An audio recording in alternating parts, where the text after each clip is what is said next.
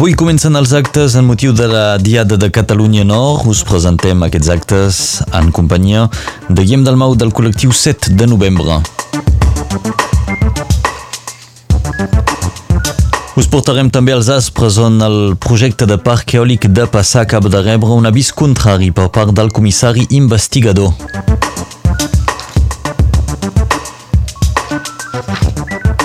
I destacarem que la justícia espanyola ha rebut un nou revés. El Regne Unit ha rebutjat donar validesa a l'ordre de detenció contra Clara Ponsatí.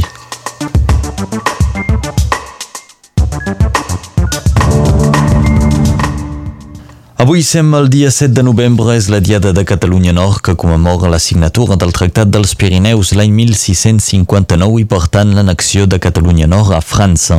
Diferents actes al programa avui, com de dijous a les 6 i mitja es farà una concentració al peu del Castellet de Perpinyà en solidaritat amb els presos polítics catalans.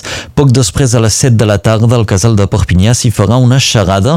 Nos ho explica el Guillem Dalmau del col·lectiu 7 de novembre. El que volem és, a partir d'aquell 7 de novembre, tenir al casal de Perpinyà uh, diverses xerrades públiques sobre fer un poc l'estat de la qüestió a Catalunya Nord, sobre diversos temes, uh, i començar uh, aquell dia, aquella nit, amb uh, la qüestió del tema dels serveis públics a, a Catalunya Nord, uh, el que hi ha, el que funciona bé i també el que no funciona, funciona bé. Per això destacarem tres temes, uh, tema d'ensenyament, on vindrà el president de la PLEC, tema també del transport, uh, amb l'associació Tren en Tête, que vindrà a parlar sobretot del tren amb uh, Vilafranca, hi ha els problemes aquí.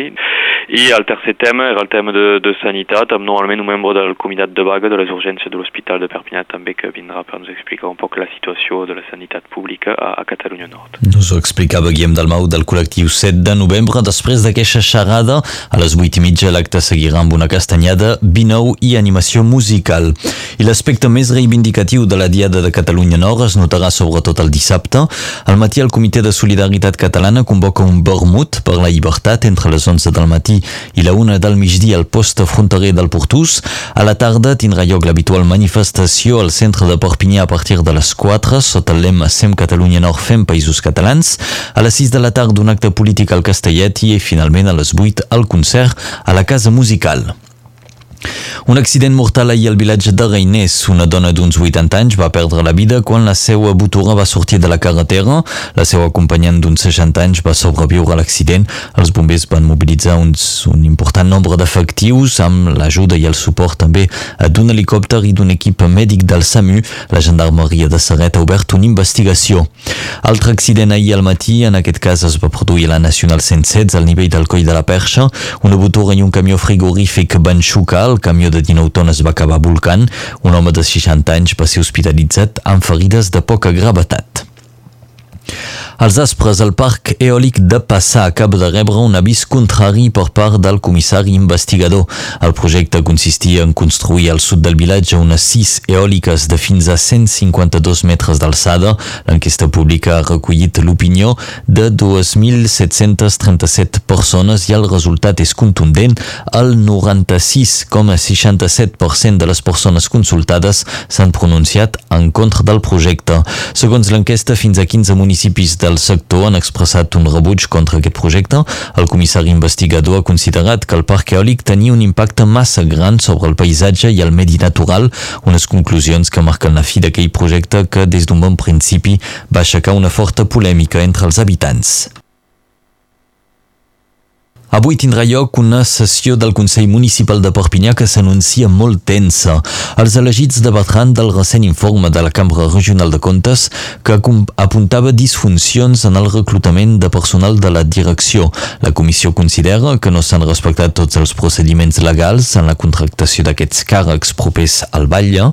Jean-Marc Pujol defuig d'aquestes acusacions i considera que té totes les proves que s'ha respectat la llei en tot moment. El Consell Municipal de Perpinyà comença serà avui a les 5 de la tarda. Un cop dur per la justícia espanyola. El Regne Unit ha rebutjat donar validesa a l'ordre de detenció contra la consellera d'Educació exiliada Clara Ponsatí per sedició.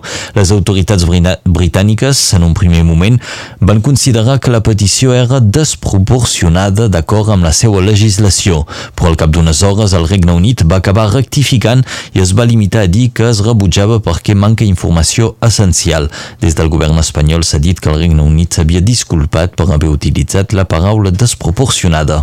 Clara Ponsatí ha celebrat la decisió de Gran Bretanya, però també ha deixat clar que això no és un rebuig definitiu per part de cap jutge, sinó que és una aturada administrativa a l'espera que el jutge corregeixi documentació.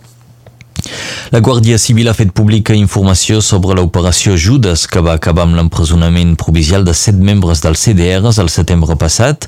L'informe de la Guàrdia Civil indica que alguns dels detinguts haurien mantingut contactes amb Quim Torra i Carles Puigdemont.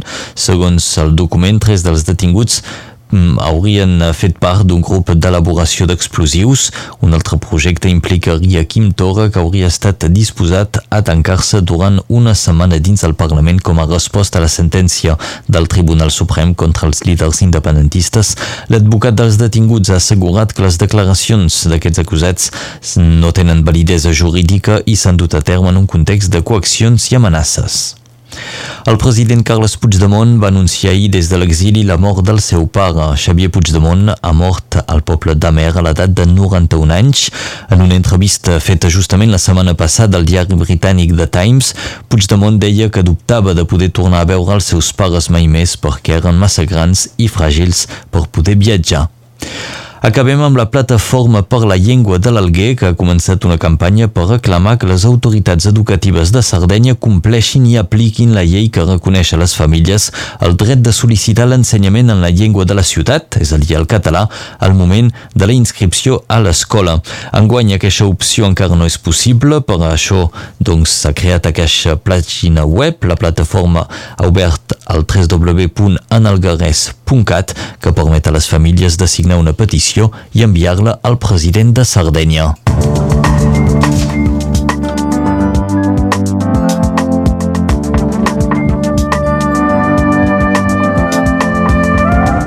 Completem la informació ara mateix amb la previsió del temps que nos presenta la Laura Bertran.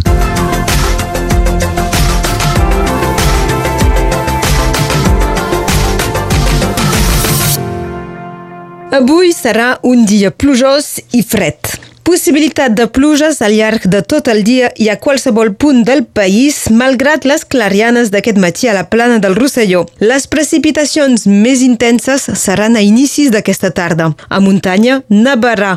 El límit pluja-neu anirà baixant al llarg de la jornada. Si comença cap als 1.700 metres, al vespre hauria de ser de 1.100 metres. El vent és moderat i de direcció variable. Aquest matí domina la tramuntana amb ratxes de 50 o 60 km per hora. Les temperatures són més baixes amb una sensació de fred encara més marcada i unes màximes que no passaran dels 16 graus a Serret i Perpinyà, 15 a Talteull i Surreda, 14 graus a Estagell, 12 a Prada, 11 a Prats de Molló, 10 del Banc de Mosset, 8 tant a Fillols com a Estabar, 6 a Bolquera i 5 de màxima als Angles. Si ahir explicàvem que la mínima més baixa per un 6 de novembre a Ribes Altes va ser l'any 1995, doncs l'endemà, el 7 de novembre 1995, es va aconseguir el rècord de calor amb 25,2 graus de màxima. Avui és la Diada de Catalunya Nord. Es recorda el Tractat dels Pirineus que va suposar la partició de Catalunya amb l'annexió de la part més septentrional a l'estat francès. Va ser l'any 1659. És també un dia com avui que l'any 1913 va néixer l'escriptor Albert Camus a Algèria. Era fill de menorquins que li parlaven català. Recordem que va rebre el Premi Nobel de Literatura l'any 1957. Per als que segueixen el calendari lunar per cuidar l'hort, avui poden descansar, ja que ens trobem en un dia d'apogea lunar. El sol es pondrà aquest vespre a les 17.34, perdrem 3 minuts de llum del dia.